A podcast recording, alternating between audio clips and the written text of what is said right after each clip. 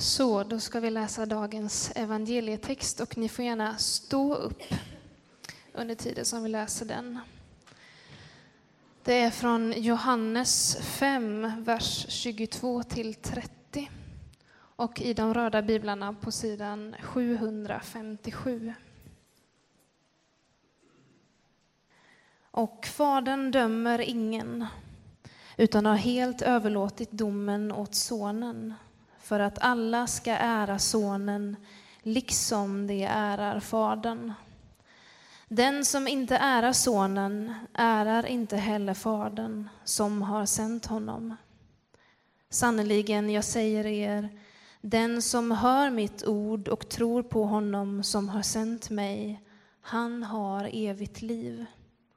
Han faller inte under domen, utan har övergått från döden till livet. Sannerligen, jag säger er, den stunden kommer, ja, den är redan här, då de döda skall höra Guds sons röst och de som hör den skall få liv. Ty liksom Fadern äger liv, så har han också låtit Sonen äga liv, och han har gett honom makt att hålla dom eftersom han är Människosonen. Var inte förvånade över detta. Den stund kommer då alla som ligger i sina gravar skall höra hans röst och gå ut ur dem. De som har gjort det goda eh, skall uppstå till livet och de som har gjort det onda skall uppstå till domen. Av mig själv kan jag inte göra något. Som jag hör, så dömer jag, och min dom är rättvis. Ty jag följer inte min egen vilja, utan hans vilja som har sänt mig. Så lyder det heliga evangeliet. Lovad vare du, Kristus.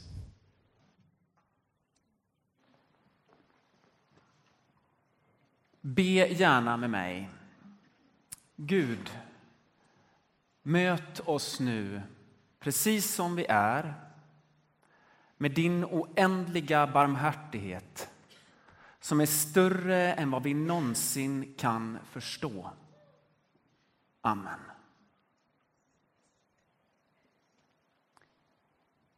Behövs verkligen denna söndag? Behövs det domsöndag? Har vi inte lämnat domen bakom oss? Har vi inte haft tillräckligt mycket kristendom och kyrka som har dömt, ja till och med fördömt? Har det inte skapats tillräckligt mycket rädsla för helvetet i kyrkan? Det har det säkert. Och jag vill ändå tro och tala om idag att domsöndagen kanske är den viktigaste söndagen på hela året. I vår tid, i vår kyrka. Därför att våra liv är så komplexa, så fulla av mångtydigheter, så mångbottnat. Det är så rörigt. Och vi märker det. Vi har börjat förstå det och inse hur komplext livet är. Och det är någonting väldigt gott. Alltså det är någonting gott med att inte bara ha svart och vitt på paletten. Att ha nyanser, att ha färger av olika sorter. Det är något gott med att ha ett rikare ordförråd än ont och gott vi och dem. Det har gjort oss gott som kyrkor och som individer om du har gjort en sån resa. Det gör att vi får större förståelse för dem som inte är som oss. Som inte gör våra livsval, som inte har vår livsstil. Det gör till och med att vi kan förstå bakgrunden till handlingar som verkar helt omänskliga vår förståelse och vår ödmjukhet kanske har ökat med insikten om komplexiteterna. Om hur mångbottnad en människa är. Hur det finns valv bakom valv, liksom. Och samtidigt så är det så att det behövs att vi ser konsekvenserna av våra handlingar. Att vi ser att våra liv spelar roll. Att allt inte bara är komplexiteter som kan förstås i det oändliga. Utan att det finns en slags moralisk tyngd över våra liv. Över våra handlingar, våra tankar, våra ord. Det är befriande att läsa som i Daniels bok i dagens läsning, Uppenbarelsebokens läsning till dagens, dagens söndag. Hur det öppnas böcker. Båda ställena står det att det öppnas böcker. Och man kan tänka sig att det var bokrullar. Det öppnades böcker och i dem står det skrivet. Där läser Gud. Det finns en tröst i att veta att det finns någon som faktiskt ser igenom all komplexitet. Som inte bara förstår utan också kan se vad det är värt. Och det är ju så att tanken på att det ska skipas rättvisa, tanken på en dom, den är mest hotande för de som har mest att förlora. Och den är mest tröstande för de som saknar makt och som liksom är på fel ände av världen. Som saknar det som många av oss har i överflöd. För dem är domen ett hopp att det ska skipas rättvisa. Att Gud inte har missat någonting av allt som har skett.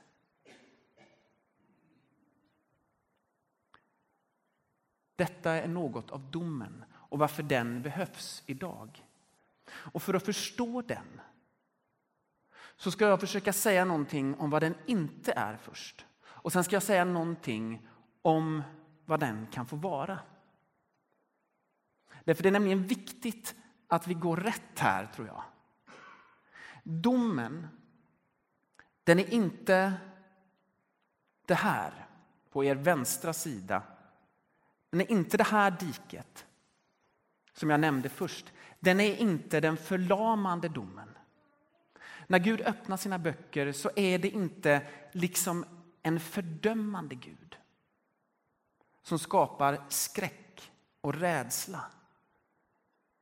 Därför rädslan finns inte i kärleken. Så rädslan för att inte få följa med, att bli lämnad kvar och så vidare det måste vara något fel med den bilden som är fylld av skräck och som förlamar och fördömer. Så det kan inte vara det som boköppnandet handlar om och som Jesu dom handlar om. Men det är inte heller på er högra sida här så finns det ett annat dike som vi kan tänka oss att det är det inte. Det är diket där allt förstås, där allting är komplext och där ingenting har moraliskt värde längre. Där vi har tappat bort orden ont och gott, rätt och fel, sant och falskt. I detta dike ligger också dessvärre en viss förkunnelse från kyrkan, tror jag. Och det är när vi säger att nåden, den förlåter dig allt. Gud förlåter dig allt. Och sen fortsätter att dra slutsatsen att vi kan göra vad vi vill. Känner ni igen den billiga nåden? Den som vissa av oss tröstar oss med. När vi inte vill ta ansvar för våra liv och våra handlingar. Den där man tar korset och Jesu lidande och så springer man iväg med det. Och så försöker man inte återreflektera hans godhet och hans barmhärtighet. Utan man fortsätter precis som att ingenting har hänt. Man har bara fått en gigantisk ursäkt för att göra precis som man vill. Om ni är här, akta er. För den billiga nåden den gör att ditt liv inte betyder någonting för dig själv till slut. Att dina handlingar liksom inte har någon tyngd. Det finns ingen moralisk skärpa. Det finns ingen plats för ditt samvete att tala till dig. För allting är ju ändå förlåtet. Nej, den nåd som finns i evangelierna och som Jesus talar om, den är här någonstans och den är dyr. Den har kostat oändligt mycket. Och den har kostat det för att rädda oss. Ifrån rädslan och förlamningen, men också från likgiltigheten och tanken på att ingenting betyder någonting. Det är den dyra nåden. Och den dyra nåden den sitter ihop med en dom som säger oss sanningen om våra liv.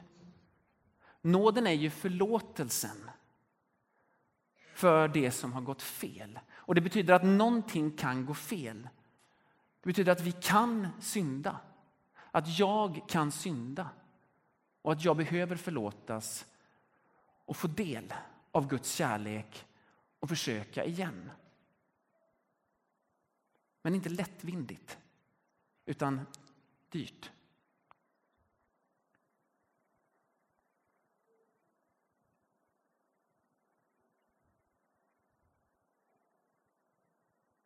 Så någonstans här är det som Caroline läste från Johannes evangeliet. Det är Jesus som säger att han har fått förtroendet att döma.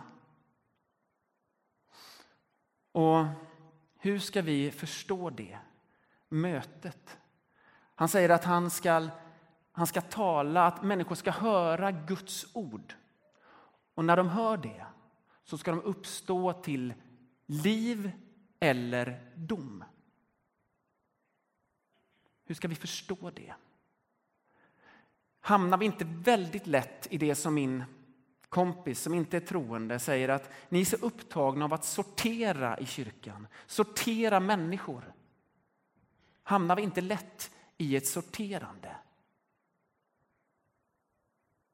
Och kanske till syvende och sist en förlamande dom. Jag har en bild som har gått som jag har gått och verkt på den senaste veckan eller två som jag tänkte förmedla till er. Och Jag tror att den kan hjälpa oss. Annette, vill du hjälpa mig? Om man tänker sig att ja, du, kan, du kan faktiskt gå därifrån. Om vi tänker oss att du går på livets väg. Du går på livets väg, ungefär som Annette gör nu.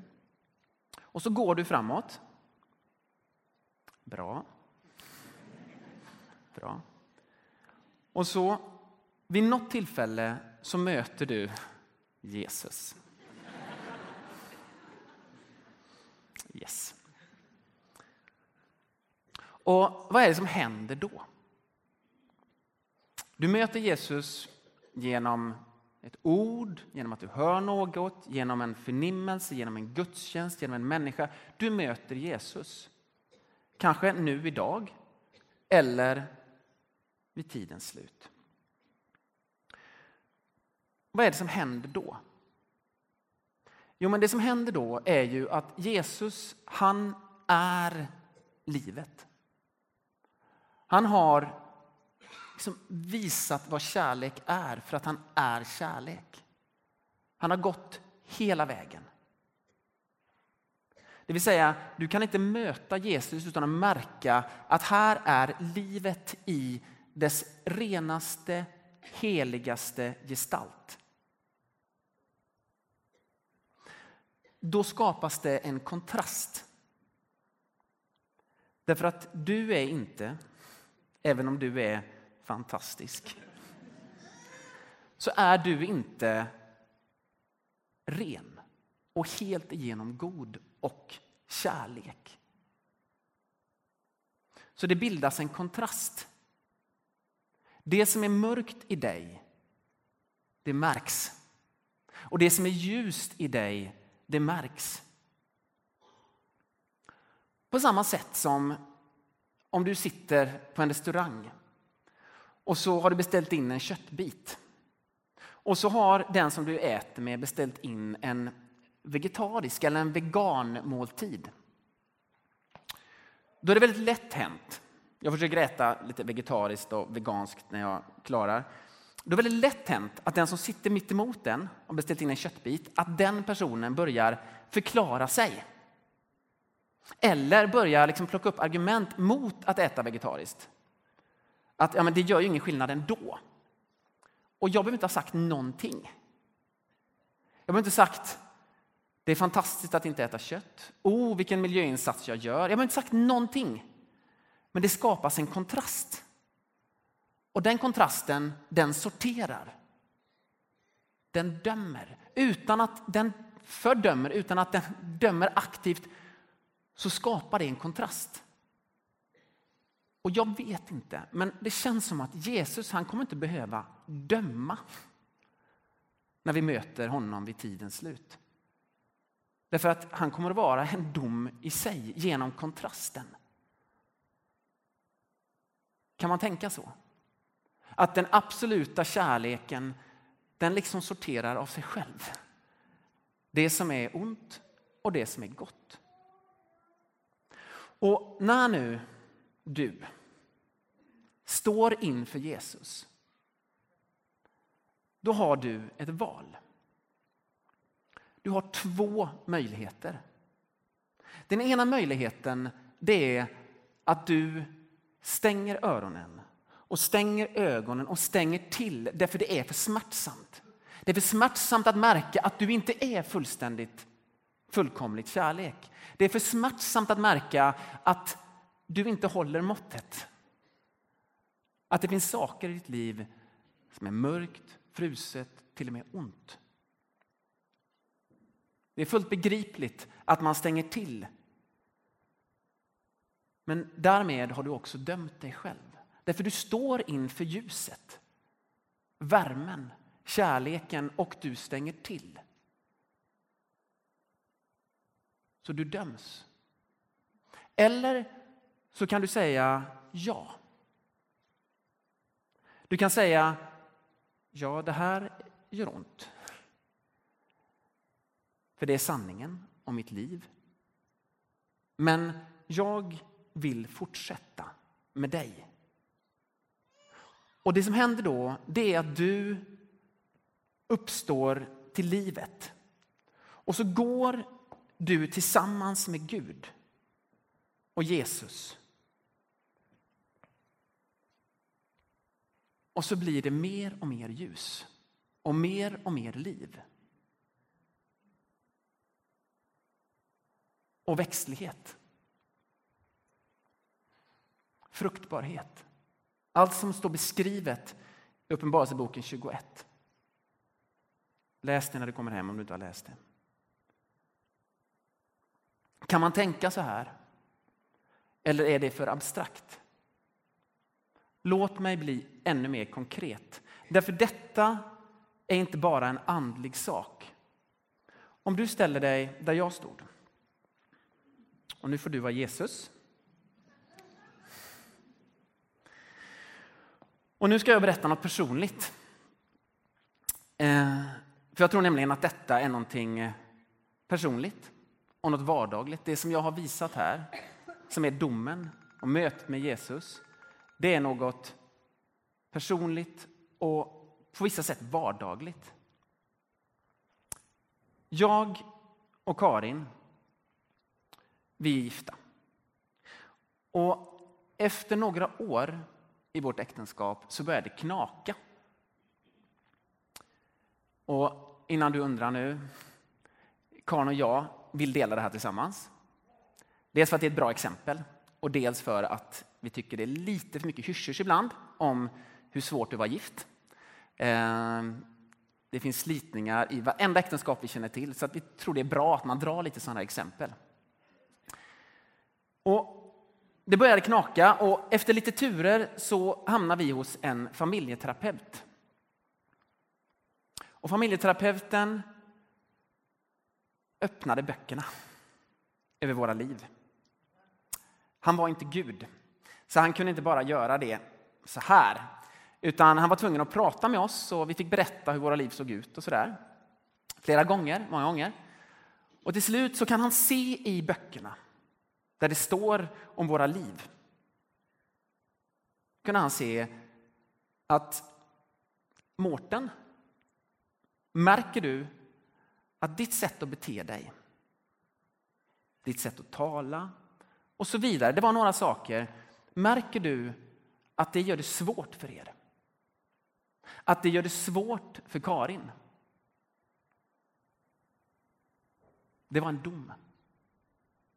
Det var en dom över vårt liv, över mitt liv. Det var inte trevligt. Och jag hade kunnat säga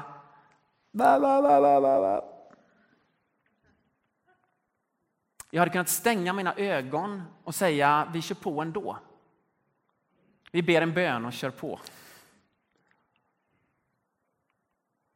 Men jag gjorde inte det. Jag sa, det här gör ont. Men jag är så tacksam. För detta är sanningen om oss. Jag kan se det. Och sanningen, den kan göra oss fria. När vi ser vad som är vad. När vi har liksom inte bara nyanser utan faktiskt svart och vitt. Svart på vitt. Då har vi en möjlighet att fortsätta. Så att jag sa, ge mig en chans. Eh, jag är bra på att försöka. Förlåt mig, ge mig en chans. Och så började vi om. Liksom. Och så fick vi gå tillsammans. Och så blev livet mycket mer. Mycket mer fruktbart, mycket mer sant, mycket mer ljus, mycket djupare.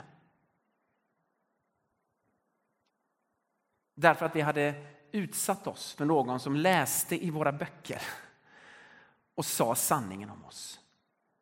Men utan att fördöma, utan att säga att nu är loppet kört. Utan som sa, så här ser det ut. Vad gör ni av det? Det är ert liv.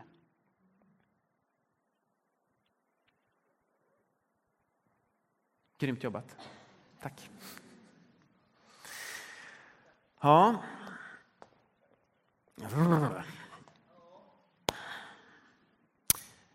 Handlar det här verkligen om domen? Terapeuten här var inte ens kristen.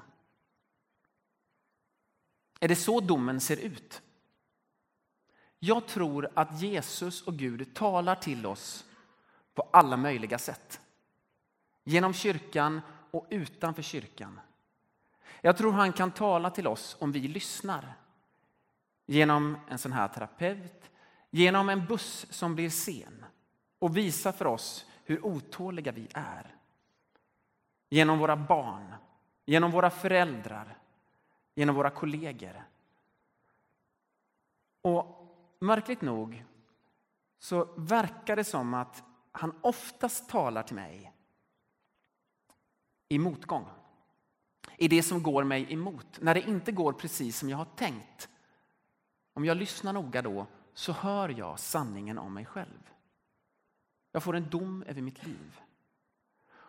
Och det som hjälper mig så mycket i de ögonblicken det är att jag tänker, ja men Guds dom den kan omöjligtvis vara förlamande. Och den kan inte betyda att jag bara ska fortsätta som förut. Utan den är fylld av nåd och sanning. Domen och livet hör ihop. Ja. Men säger någon, nu talar du om någonting som händer nu. Handlar inte domen ändå om det som ska hända sen? om Kristi återkomst sen. Det är kanske någon som har tänkt den tanken. Vart tog det vägen? Så här är det, att med Jesus så trycks tiden ihop. Har ni märkt det? Märker ni den här texten? Hur Jesus säger, den stund ska komma. Ja, den är redan här. Alltså Jesus är domen nu. Vi ser allt vi behöver veta från domen som kommer då i Jesus nu. Här och nu är ditt liv genomlyst. För du har sett den fullständiga kärleken i Jesus Kristus. Och när du öppnar dig för den domen och för den nåden och för det livet, då börjar Uppenbarelsebokens himmelska stad som ska komma ner från himlen. Den börjar komma ner från himlen. För så nära är himlen i Jesus och i den som öppnar sig för Jesus. I den som säger ja. Jag tar emot sanningen om mitt liv. Jag vill börja det himmelska livet nu. Då börjar det nu. Bitvis. Uppblandat med allt annat.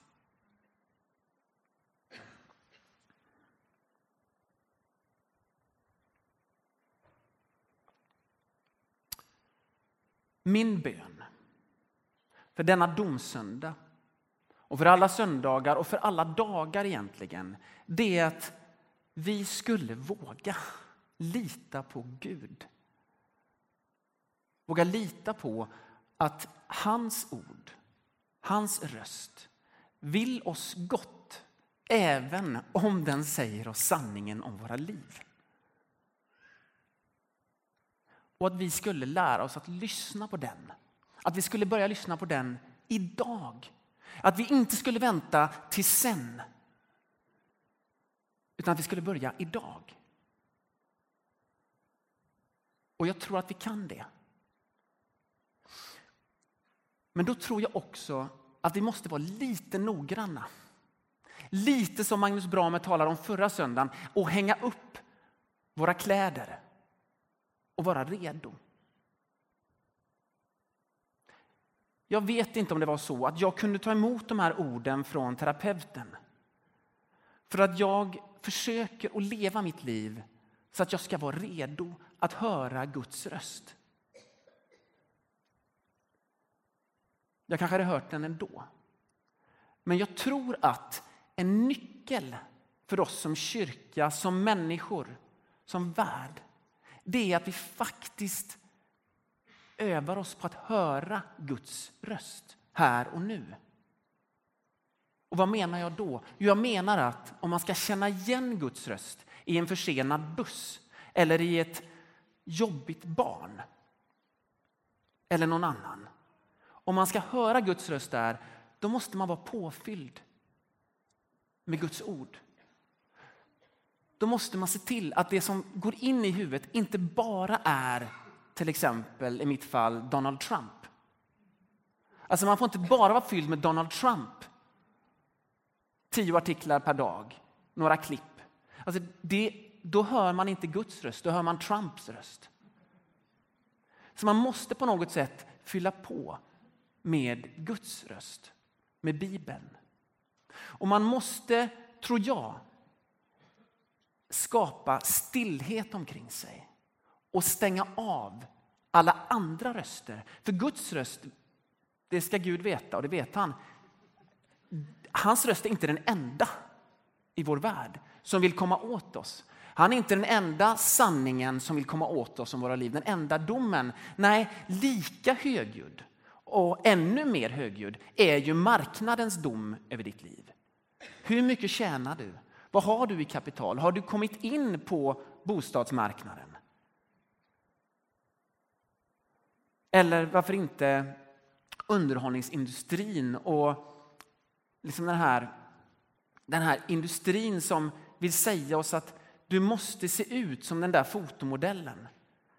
Ditt liv måste vara photoshoppat. Du måste bli snyggare och smalare. Och har du inte de kläderna så är du ganska ute. Och den sociala medierösten som för vissa av oss är väldigt stark, där du måste veta det senaste hela tiden. De rösterna, alla de rösterna måste du skapa en frizon för. I stillhet. Så att komplexiteten i ditt liv kan lägga sig och så att Guds röst kan bli tydlig. Och så kanske du måste föra samtal med någon om de viktiga sakerna. Det måste inte alltid vara superandligt, men där de viktiga sakerna finns med. Hur ska jag tolka detta? Hur ska jag tyda mitt liv? Vad är sanningen om mitt liv? Ser ditt liv ut så? Har du den sortens beredskap för att höra Guds röst? Har du inte det, så tala gärna med mig efteråt. Eller gå in i förbönsrummet och tala med förebedjarna. Jag tror vi behöver det. Det händer inte bara av sig själv om vi vill att Jesus ska komma nu in i vårt liv.